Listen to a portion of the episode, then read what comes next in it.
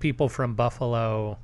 They're not cocktail people. They don't feel like cocktail people to me. They're beer people. Yeah, over they're definitely beer people. Welcome to Presidential Deathmatch, the only presidential debates that matter. I am Aaron Garrett, and with me, as always, is my co-host Dennis Buddy. Hello. Tonight on the program, we discuss which president can create their own craft cocktail the best, as well as Carver versus Carter, and did George W. Bush party too much in college? Tonight, Dennis and I have decided to use the famed Van Buren Webster debate format, which of course means the winner will ultimately be decided by whomever appeals best to New England lawyers. Dennis, how are you doing today? I'm good. How are you? I'm doing okay. Uh, I watched Bridesmaids for the first time yesterday. What? Yeah, For the first time. for the first time. Uh, it was very unlike what I was expecting. oh, really? I guess I thought it was going to be super bad. Like I just thought it was going to be we begin at the bridal shower and we're just going to continue through the bridal shower and it's just going to be set piece after set piece after set piece. Yeah. Which it is kind of, but it's yeah, it's got a good it's got a good heart and soul. Yeah, it's got a very strong character backbone. Um, so I, I was uh, pleasantly surprised. Uh, it was definitely much more in my bailiwick. Car- in your bailiwick. Yeah. It's Carolyn's favorite movie. Oh, really? It's the movie where she was she went with her sister Christine and they were on the floor in the movie theater because of how hard they were laughing. Well, of course, Dennis, uh, today we are here not as cordial friends, but as hardened combatants. Yes. Seasoned. Seasoned, absolutely. We are here to discuss the proper role of our leaders through the medium of cocktails. Yes. Specifically, the question on our hands today which of the 44 men who have served as President of the United States is best suited to the task of creating his own signature cocktail and then appending his name to it? This is important for our democracy because it demonstrates the power of creativity, showmanship, and an ability to communicate one's idea and, in fact, one's very self to the American populace. And so I, I think you and I both agreed that this is a very important question to discuss. Yes. If not the. I don't know how we'll do more of these. No, we're definitely starting with the most important question for presidents. And it's downhill from here. Yeah, well, most things I do are. Sadly- slow descent. Sadly, not all 44 presidents can be cream of the crop. Uh, And if two could, wouldn't that be nice? oh, I wish. then we wouldn't have to be bitter combatants. No, no, I wish more than anything in the world that we could just go back to being on friendly terms, but that is not the world we live in, and we have sworn an oath to the American people. Yes. So we need to discuss the the men who didn't quite make the cut, uh, the the bottom of the barrel. Yeah. I know that we have both separately selected our our bottom three. I'm going to give a bit of a preamble. I don't know Okay. who you've chosen, so Uh-huh. I might be preemptively insulting your choices. Probably. I'm going to say that there are two, at least two presidents who most people would just instinctively, because we all know all 44 presidents by heart, Yes. uh, and say that these men are not up to the task. And I say nay. If you have put on your bottom three the uh, the two presidents that I think uh, to the layman might you might think that these would not be up to the task of creating a custom cocktail and naming it after themselves, but I say they are. Maybe not top, but definitely not in the bottom. Are Rutherford B. Hayes and James K. Polk. Now, did you happen to put them on your bottom three? I didn't. I didn't. uh, I neither of them are on my bottom three. Excellent. I'm just going to give a, a real quick Reason why they deserve not to be in the bottom Yeah, three. why they deserve to be middle of the pack. Number one, Rutherford B. Hayes, Uh-huh. famous teetotaler. His wife was named Lemonade Lucy. They did not allow alcohol in the White House. But Uh-huh. it's 2020, Dennis, and mocktails are all the rage. Low ABV is the name of the game True. these days. I think There's a bar here in Austin that's like a cocktail bar, but it's only mocktails. see he would fit right in. And who yeah. doesn't want to order something called the Rutherford? That's true. Yes. That's a very good name for a cocktail. Sorry, or a mocktail. Indeed. That's, that was the end of what I was going to say. Uh, James K. Polk was uh, a bit of a serious man. He didn't have a lot of friends. I think a lot of people wouldn't think that he is in the right hospitality spirit to create a cocktail, but James K. Polk was an excellent student of whatever it is he did. And if he really believed in creating a cocktail, I believe that he could rise to the occasion. Because he because he's someone who did whatever it took. He excelled. He it's because. James K. Polk excelled. He's your favorite president. No, he is not. Who did you put in the number 44 slot? The number 44 slot, I'm going to give to one of your tops, I think, William Henry Harrison. Oh, yeah. Because I was doing some research Mhm. and he opened his own whiskey distillery and then closed it, What a fool. which is, I feel like just, I mean, that's why I put him in the bottom. I mean, because on the one hand, he probably could have made a pretty good cocktail, but but then he decided that it was that whiskey was a bad thing for the world which in and of itself i could see how one might call that noble but for today's task i think that that is despicable You are correct. I put in my number 44 slot Richard Milhous Nixon. And I'll tell you why. I'll tell you why. okay I think I've got Richard Nixon could probably do a decent job of creating the cocktail itself. I think that he was a, a man of fine taste. He could think through a problem. He could uh, he he traveled the world. He could probably source very interesting ingredients, but he would fail. He would utterly fail at popularizing the cocktail with his own name. This is why. Uh, yeah Dennis, do you know who to whom I refer when I say JFK? yes And LBJ lbj and FDR. these are initials These are initials of presidents. Now, of presidents you might be surprised to learn that Richard Nixon desperately wanted to be known by his initials. really He really, really wanted to achieve that level of fame of being known by just the initials RN. He. Uh, registered nurse Yeah, he named one of his biographies RN. He really wanted it, just didn't catch on. I just don't think that Nixon had the clout to pull off naming the cocktail after himself. I think people would just shy away from it. And that's why he's in the number 44 Uh. slot.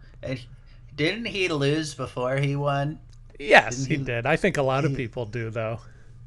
Well, but it goes to show that he maybe marketing brand is not his.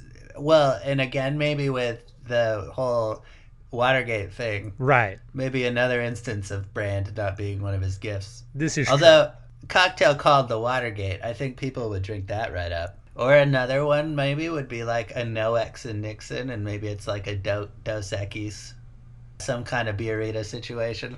I can think of nothing Richard Nixon would hate more than a beer Rita named after him, which is probably the best thing that we can give to him. well, that, I think that yeah. So while he could not, we can. We can. We can absolutely. Whenever I open my presidential themed cocktail bar, I will have the No X and Nixon. We could have three: the No X and Nixon Burrito. Yeah. There's the The Watergate. The, the Watergate, which Yeah. is water. I don't know what it is. Whiskey neat. And Yeah, then there's of course the the registered nurse. Yeah. The The registered RN. nurse uh, is nothing because no one ever orders it. it's it's on the menu, but no one no one even asks. No, they never do. Slap forty three for me.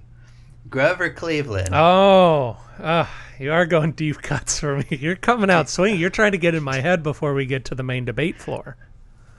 with my deep cuts Yeah, Grover Cleveland, number 22, number 24.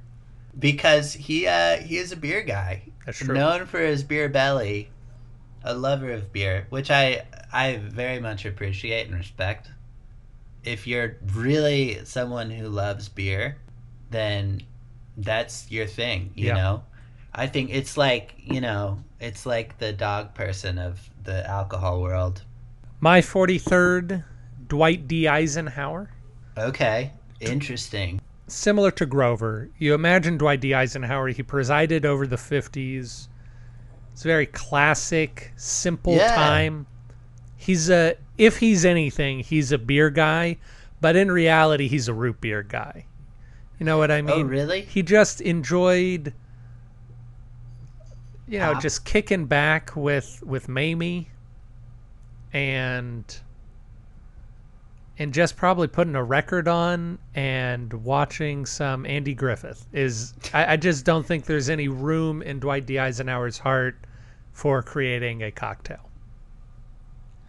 That's an interesting take. I remember reading in my research that he brewed gin for his. For, no, no, that was someone else. That could have been honestly That- any of the presidents. Bath bathtub gin. That could have been any of them. For his when, but the, the reason I realized that was someone else is because it was when Prohibition happened. The art, the, the soldiers were like, "We're we're like we're not gonna do that." That could have So been then- him. That oh you yeah Yeah, no, that could have was- been him. Yeah, in He would have been a soldier in the twenties, yeah. I believe. So he was like, screw that, and he made gin in his bathtub, and then his roommate made, or probably the next room over, made something else. I thi- I think we're finding an interesting disparity, and an unusual disparity between the ways we're approaching this project. In that you seem to be very research focused, and one would expect me to be very research focused as well, Yeah. but I'm not. I'm very emotional in my arguments.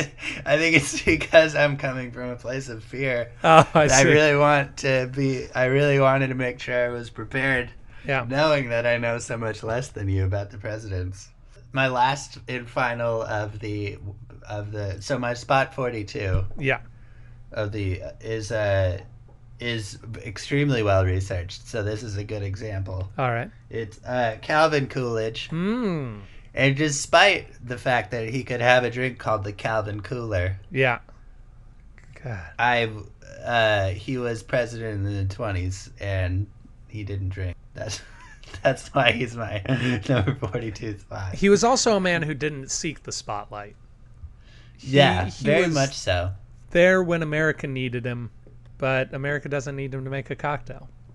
I read that he toasted the president of Cuba with a glass of water. Yeah, classic Coolidge move. My final person is John Adams, second president of the United States. John Adams. Whoa. I so all the older presidents, it's like it was like a time of of like it was pre cocktail time. It was like sailors drinking Yeah, rum, and whiskey was in its infancy. My main reason is regardless of how good or not good John Adams could make a cocktail. Number one, John Adams was routinely hated by everybody. And even if he made the best cocktail in the world, I think that the people who knew him would refuse to order it on principle. But more than that, he just can't name the thing in any distinctive way. What's he going to call it? The John? Is he going to call it the Adams cocktail? Is he going to call it the John? If you do his son, you can call it the Quincy. That sounds interesting. Yeah. And you might think you get into the same problem with the Bushes, but you can just call it the HW and the W, and that's a real cool cocktail That's name too. too. Yeah. So John Adams is just in a real sad situation where he just can't get the level again marketing. He can't get his marketing up to snuff. it's funny the Bush Bush and then there's the Bush Light. Yeah, that's true. Kind of a big beer category. It's almost like this is bold, Mhm. but it's almost like presidents who are bad at this would be good at beer. I think that's a very apt discovery on your part. We don't want to mire too much in the failures of our national leaders, so we're going to jump ahead to our top three. Dennis, of Top course, will begin with his number three. My number three, uh, despite what I just was saying Okay. about old old presidents, is George Washington. All right. because at the time of his death, similarly, on a similar uh, train of thought as William Henry Harrison, hmm because it was probably the same article. He had the he distillery. had a whiskey distillery, and it was the largest in the country when he died. That's true. Did you know you can buy George Washington whiskey right now? I did not know. A that. number of years ago, I think in 2013 or 2014, they hired a historical distiller, something like that, at Mount Vernon, which is where George Washington's homestead was, to lead a historical reconstruction of the distillery because they found where the old distillery was. They found the foundation. And then to use old distilling practices to make whiskey according to George Washington's recipe. And they turn out some number of thousands of bottles a year, and you can purchase it out Mount Vernon. Well, this is the kind of fun, fun detail that Dennis brings to the pod. Super cool. I mean, and so there's almost definitely a cocktail called the Washington, Yes, and there's almost and there's and he still has his whiskey being made. That's so true.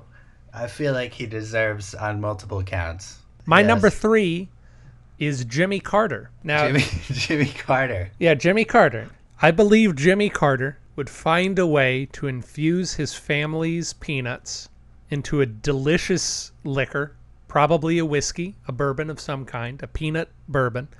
And then, through the magic of Jimmy Carter's well honed mind, he would meld it in a cocktail with muddled peach, which is from Georgia, where he's from. And so Uh-huh. he's just going to have a really solid theme for his cocktail. Now, I don't know what else is in it besides the peanut something, probably bourbon, and the muddled peach, but he's going to create a delicious, almost a savory cobbler of a cocktail, and he's going to name it the Jimmy Carter. It's going to be fantastic, and everyone's going to be really excited. But the reason he only gets number three is because a number of years later, people are going to get tired of it and tired of uh, the creators and the bartenders saying how great, how great this cocktail is, how fantastic and how moral it is. And how necessary it is to enjoy, and and it's going to wane in popularity. But for a brief moment in time, Jimmy Carter's cocktail is going to be top of the pops. he, he's gonna he he he really falls into the category or and his cocktail would too of being that kind of just just so proficient that it's middling in a way Yes, exactly. and so like somehow history doesn't remember it fondly It doesn't have that grit to it. That Yeah. that just thing that, yeah, i don't know because i feel like to me those are the ones that i really gravitate to you know which ones? like everyone else will stop drinking it and then i'll still be here Oh yeah, with your. Boulevardier. Yeah. yes, and my and my Carter, my my Jimmy Carter. I th- I I think he will invent this drink. I think that's still part of part of what he's going to do in his life. My number two. Hold. All right, Okay. Warren G. Harding. interesting. Yes, because it would be it would be it would be a party drink. Yeah, hundred percent, Hundred percent. Hundred percent a party drink. Warren's hard. It'd be a brand. It would be a whole thing. It would be off the shelves, you know? hmm It would be seltzers, juices, Warren's Hard, X, Warren's Hard. The women would go crazy for it. As we all know, Yeah, women love Warren G. Harding. Ah, do they ever? he parties harding.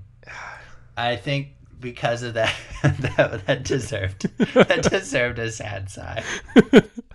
My number two, Ulysses S. Grant.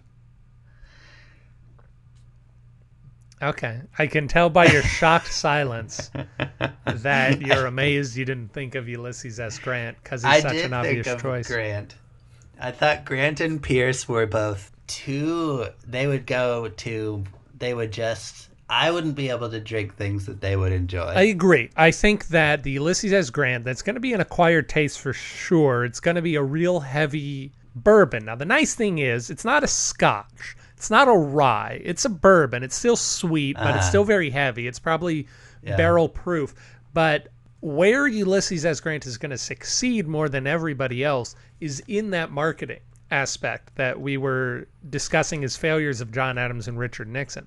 Ulysses S. Grant, towards the end of his life, was throwing his name on the memoirs, on anything he could, so he could get up that revenue. And if he thought that creating uh, uh, a Ulysses cocktail, I tried to think of a pun, I failed to.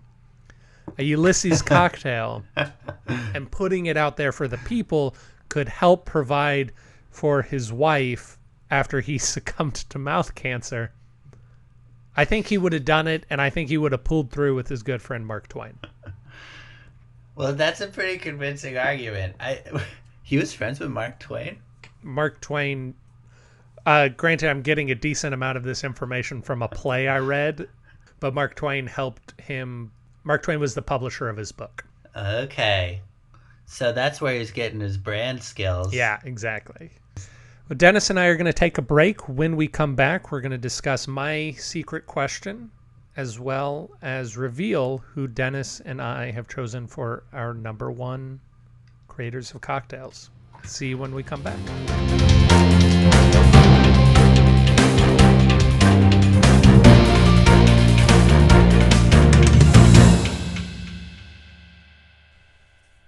And we're back. Before we get into the main meat of tonight's debate, I have a question to pose to Dennis. He does not know what I'm about to ask. Dennis, which of the 44 United States presidents do you think would be the best designated driver?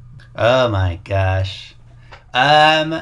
Okay, so thinking on my feet, HW or what W. the son. So W is the one that comes to mind. Uh, um, because uh because I feel like he probably because I think he gets a bad rep a little because he like partied in college or whatever, but like a lot of people did, and I get the sense probably. I mean, he became president. He was probably like at some point at least like the responsible one. So there's that. Um, I mean, Coolidge just uh would just sit there and then Thought his name would come home. back up. and I think honestly that's uh yeah there's one other one but I'll I, I w- I'm gonna wait till the debate to say that one because I think that it'll it's kind of it's the Oh, guy for the that cocktail? I chose it would be another one I'm think very nervous that we chose the same person. really We'll see. So for for my thinking, designated driver, this is what I imagine. Number one, there are a lot of people who are right out. You don't want Andrew Johnson. You don't want Donald Trump. They've got self control issues. You can't trust them to be a designated driver. You want your designated driver to be someone. You don't want your designated driver to be just a chill Uber driver. Your designated driver, he's with you throughout the evening. He's hanging out with you. You want him to be part of what's going on. That's why I initially discounted Calvin Coolidge because I thought Coolidge. I thought Coolidge is real cool. yeah He likes jokes, but you know he's just not going to be part of the party.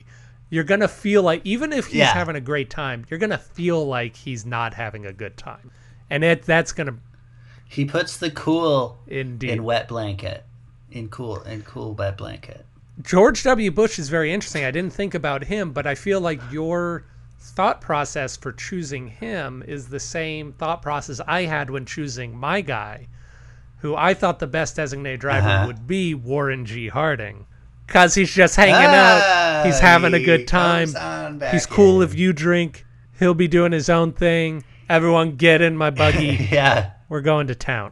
yeah he's just such a and i mean everyone goofs about Yeah. the eyebrows Constantly. The other one that always gets me, this maybe is a bit of a jump, but uh, is Carter and George Washington Carver. I think because George Washington Carver is like a president's name and then a word that sounds like Carter, and he's a peanut That's farmer, and then isn't Carter Yeah. peanut farmer? Carter was a peanut farmer. and yeah. and then I don't know, and then he was president. It's a lot. So I'm impressed with how similar our thought processes were on that one. I think that we both understand what's valuable in a DD. Yes. Now we've come to the main course of this evening's dinner. I'm afraid that Dennis and I are going to have to shed the bonds of friendship and don the spiny cloaks of debaters as we puzzle the following question.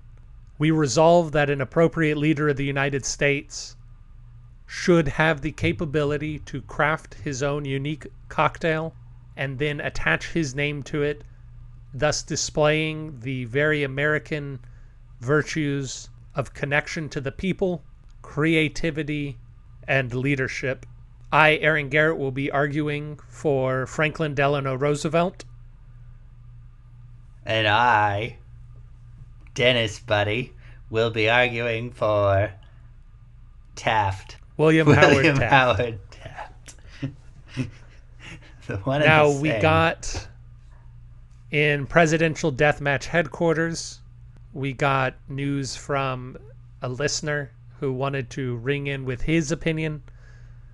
Dennis, could you please read what Keith had to Yes, say? Keith, Keith elected one who I have a pretty good argument for because he was one of the runners up that I didn't that I cut out today.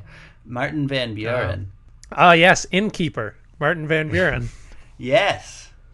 Blue Whiskey Van, they called him. And I mean, come on. That cocktail makes itself whiskey and the blue flavor, and blue, yeah, blue curacao. which is my favorite thing. Yeah, you love. I want to make a documentary about blue, about blue flavor. but I'm afraid we don't have time for laughs right now, Dennis. Okay. Franklin Delano Roosevelt, number one, it is well known among the culinary class that cocktails are largely an American invention.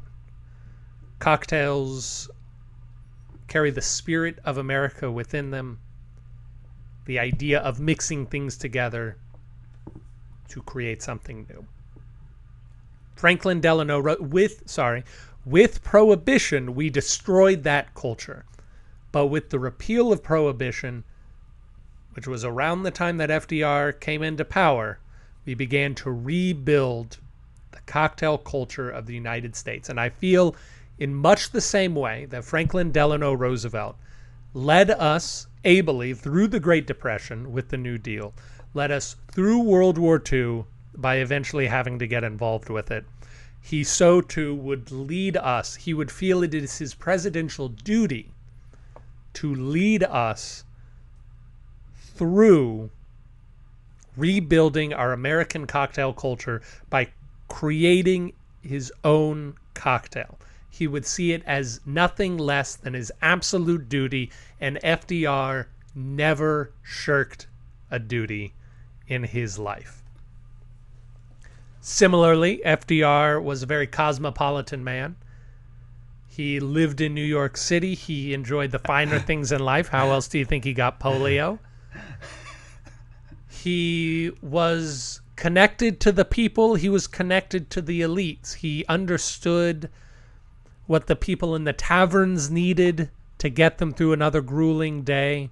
He understood what the Dorothy Parkers of the world wanted when they sat down to drink a, a gimlet or whatever it is they were having in those days. Thus, FDR possessed a unique vantage point to create a cocktail that would set America on fire by giving to each according to his desire and taking from each sobriety in whatever measure sobriety was needed to be taken.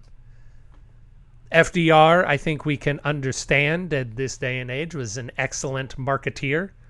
He knew how to communicate his ideas, including abject totalitarianism, so that America said, Yeah, this sounds pretty good. He has no shortage of names to call this cocktail. He could call it the Delano.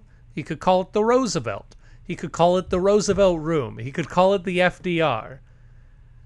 He, he could call it any number of things, which also allows for various variations on the cocktail to be given, which will prolong its longevity, unlike the aforementioned Jimmy Carter cocktail, which is very complicated to make. I think FDR would be able to find simple ingredients and and stretch them like a person in the Oklahoma Dust Bowl stretched a stew.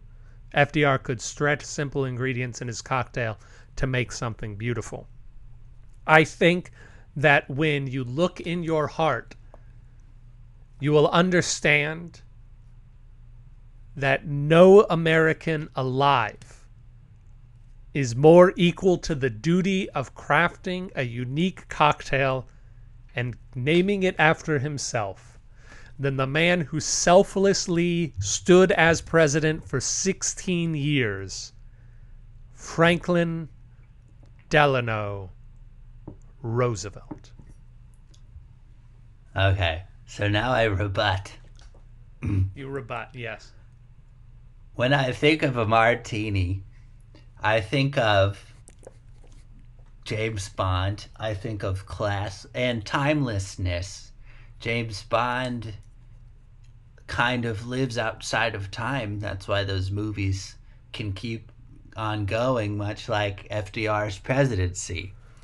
It's simple and not something that anyone could enjoy. It's almost like it's not for special occasions. It's for people who drink every day. It's for it is it is synonymous with existence much like FDR is synonymous with America. And that in and of itself makes it not a good fit as the best cocktail ever because it doesn't stand apart and it isn't something that you have once at a fancy bar and say, "Wow, that was the coolest thing ever." It's simply a mar- it's simply a martini. And FDR is simply FDR. Eh, he is he defines America, and every major event happens during his presidency. But on the other hand, can someone who defines America really be the one that everyone gets out of their seats and goes downtown to try? Granted, there is a cocktail bar here in Austin called the Roosevelt Room, but there are many Roosevelts, and the Eleanor is the bar next to it, so seems like.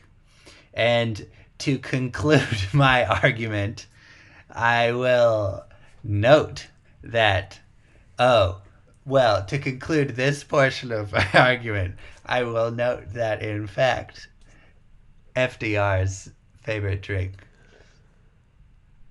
was the martini.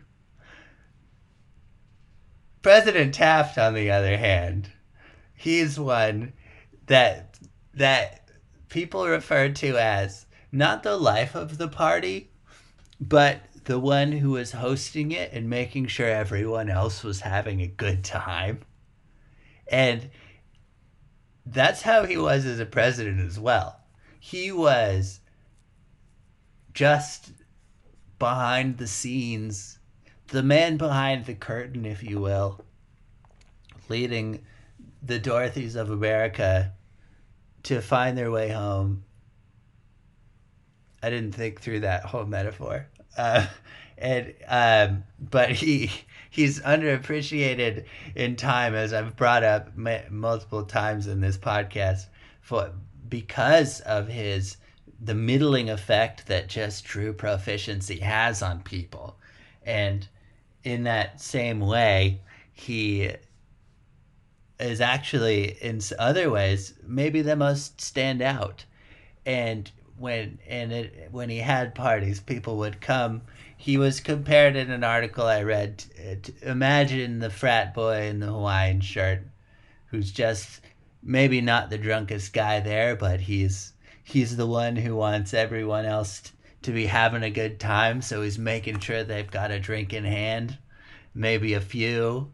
He's teasing, he's chuckling, and you know people laugh at him, but but he he likes that they laugh at him because because that means they're having fun, and he's okay to be just quietly the only president who was also a Supreme Court justice. And uh, and what I'll say is that I imagine that he would make a cocktail that is like olive oil and uh, bourbon because he's a true American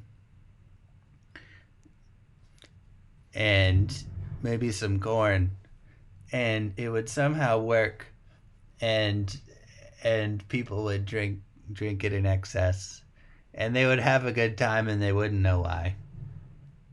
That concludes my rebuttal.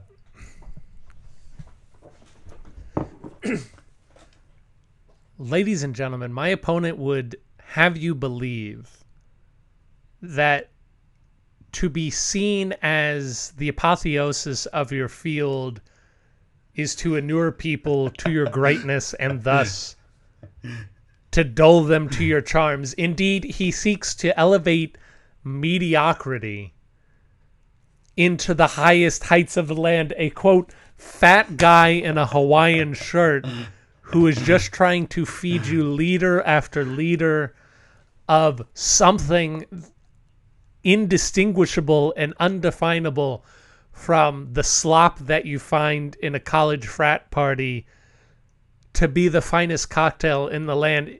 I believe, I don't like to cast aspersions on this show, but I believe that my opponent, Dennis Buddy, is arguing that college frat boy culture is the height of American achievement. And that is something that I cannot abide. And I hope that the lawyers in New England who will be judging us also cannot abide.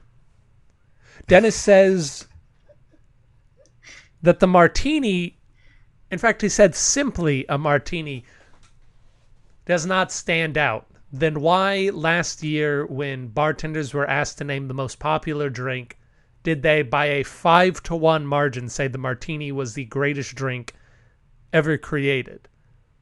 It is not because of its ubiquity that the martini fades in our memory. It is simply there, and we fail to live up to the promise of the martini. Just because FDR created the perfect cocktail in our imagination, just because he created the perfect cocktail and you don't think yourself worthy of having it regularly, does not mean that you are going to turn to the hog's trough of William Taft's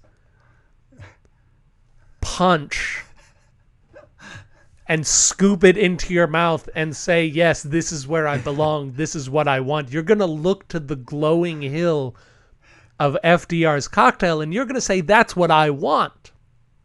I think that there, if the martini exists, then far be it from FDR to invent it. I'm merely arguing against the metaphor that you set up. You argue that he would invent the martini, but he can't. No, I'm saying that you said that's where my argument really wins, is because he would just tell people to drink a martini. you poor simple fool. See, Taft. I don't think frat culture is peak. Nor do I think fat culture is peak.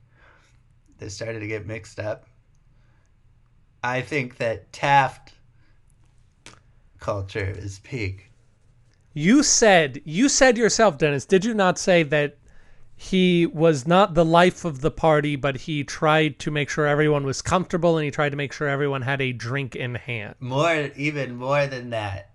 But yes, hospitality was central to his. His ethos. Now, Dennis, do you think that all people are the same? No, No. Do you think that William Taft thinks that all people are the same? no, I think he's got a keen eye for the tastes that differ between people.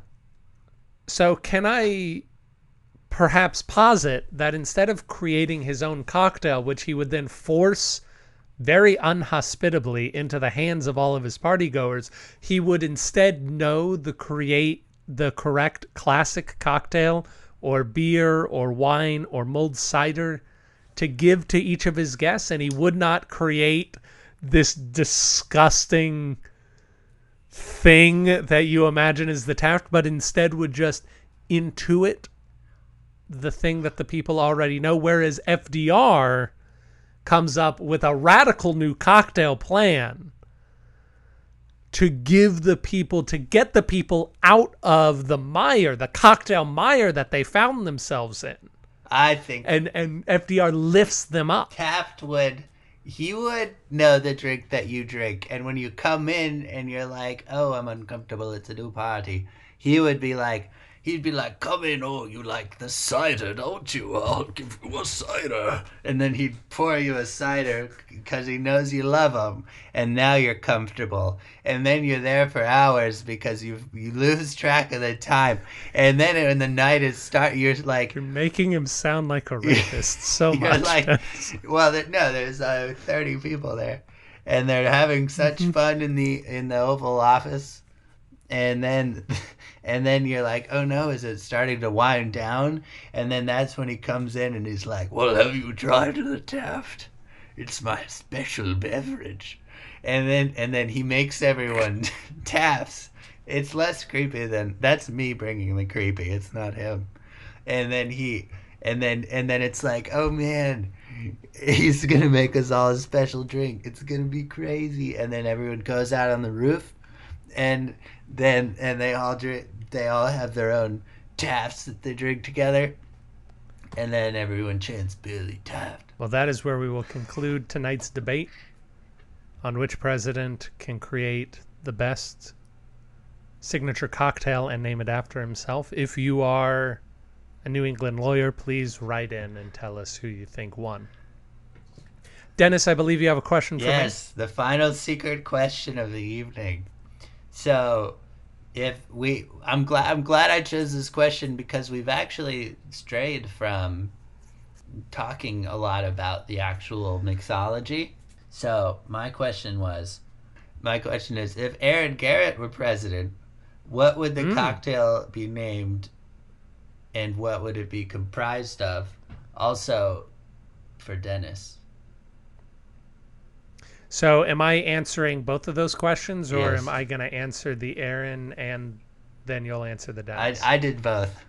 Okay, excellent. Uh, okay, now the problem is my name doesn't exactly lend itself well to a cocktail. Not like uh, not like the buddy or the man's best friend, but I'm getting ahead of myself there. It's just called uh, the Garrett, I guess, for lack of a better term at the moment. I think it's going to be some kind of combination of uh, herbal liqueurs. There's probably going to be chartreuse in there. I'm gonna guess green chartreuse. There's gonna be, man, I, I want Dennis. You're tearing me apart because I I really want to go in two different directions. It's gonna be a variation of the last word uh, called the Garrett. Are you familiar with the last word cocktail? No. Uh, the last word's a really great cocktail. It's equal parts gin, maraschino, green chartreuse, and lime juice. Um, so mine is going to be a variation. So maybe or maybe not equal parts. It's going to be green or yellow chartreuse, of course. Love chartreuse. It's going to be mezcal, because I'm from Texas. Mezcal's around here. Uh huh. Uh, it's going to be mezcal, green chartreuse. In place of the maraschino, I think we're going to bring in a um, an apricot liqueur.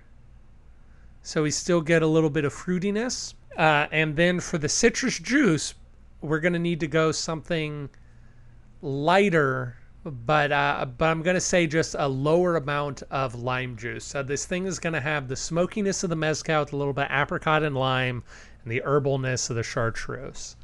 And and I think that would be the Garrett. Uh, the Garrett is a, a very cool name for a cocktail. I wanted to defend that. Uh, now the man's best buddy. I know you like a Boulevardier, and I know we've had a lot of drinks together. You seem to like to order from the tiki side of the menu That's a lot of times, right? yeah, you, you like the tiki side of things. So I'm going to do a variation of the suffering bastard because I know you like a suffering bastard, uh, and I like the idea of the man's best buddy. Your drink being a variation of the suffering bastard. Um, So the question is, what are we changing in the Suffering Bastard to make it Dennis-like? And I think what we're doing is we're finding a place to put Campari in there. I need to I need to look up what's in a Suffering Bastard really quick. um, this is a much more thorough job than I did, and I and I was the one who was able to prepare for this question. our Suffering Bastard, our man's best buddy, it's gonna have instead of the ounce of gin, it's going to have half rum and half Campari. I feel like this might be a disgusting drink, but ultimately it's going to be bourbon, gin, lime juice, bitters, and ginger beer. and then uh, uh, stirred with a wooden spoon, and then put into a flagon, and also set on fire. Because you seem like a man who also enjoys fired drinks. Wait, wait. What was it in the end? Oh, it's it's bourbon, gin, Campari in some amount. I don't know what. Uh, probably a quarter to a half ounce of lime juice, four ounces of ginger beer, couple of dashes of Angostura bitters, stirred in a flagon with a wooden spoon, and then set on fire. That's, uh, that's basically what I said. So Yeah. All right. So so what did you say? I had for the the Dennis. I didn't think of names for them. I do kind of like the suffering buddy though. Uh, so I was coming from a real uh, place of who I am as a person. So took Texas bourbon because I live here in Texas. Lime, which I feel represents my personality. Maple syrup Oh, represent my upbringing yeah. and then that's all of the ingredients. But then there's, but then there's, there's a German apple slice that has been lit on fire. so, Oh. I got the fire. We got fire in both drinks, as well as whiskey in both drinks. and that's to represent my ancestry of both Germans and witch burning people. Yeah. And then for the Garrett, which is just a great name, or the Airgare, that's another. Oh, Airgare's pretty good. good yeah. too. So I, I didn't get super specific, but I'm thinking, hear me out. Mhm. Certainly a whiskey blend of your own creation, something that'll go perfectly with milk Yeah. and candied cucumber. Uh, Oh, okay. and then Now, oh, that's all. oh, okay. This is interesting because the milk is right up my alley. uh huh. You're right about Uh-huh. that. But I can't think of a world where milk and cucumber go together. And I really dislike cucumber most of the time. Now, candied cucumber is different. Candied cucumber might be interesting, but uh, I'll I'll see if I uh, if I have some time. I'll try and whip some of these together Yeah. and and report back with the Air Garrett, the Garrett, the Dennis, and the Suffering Buddy. The candied cucumber, not to be confused with the pickled cucumber. no, not at all. I think I think it's a an untapped corner of the mixology world. Uh, Thank you very much for joining us for Presidential Deathmatch. Dennis and I's relationship may never recover, but we hope that you have learned something. Join us again next time when we discuss which president and his vice president would win a three legged race. Until then, keep questioning and stay safe.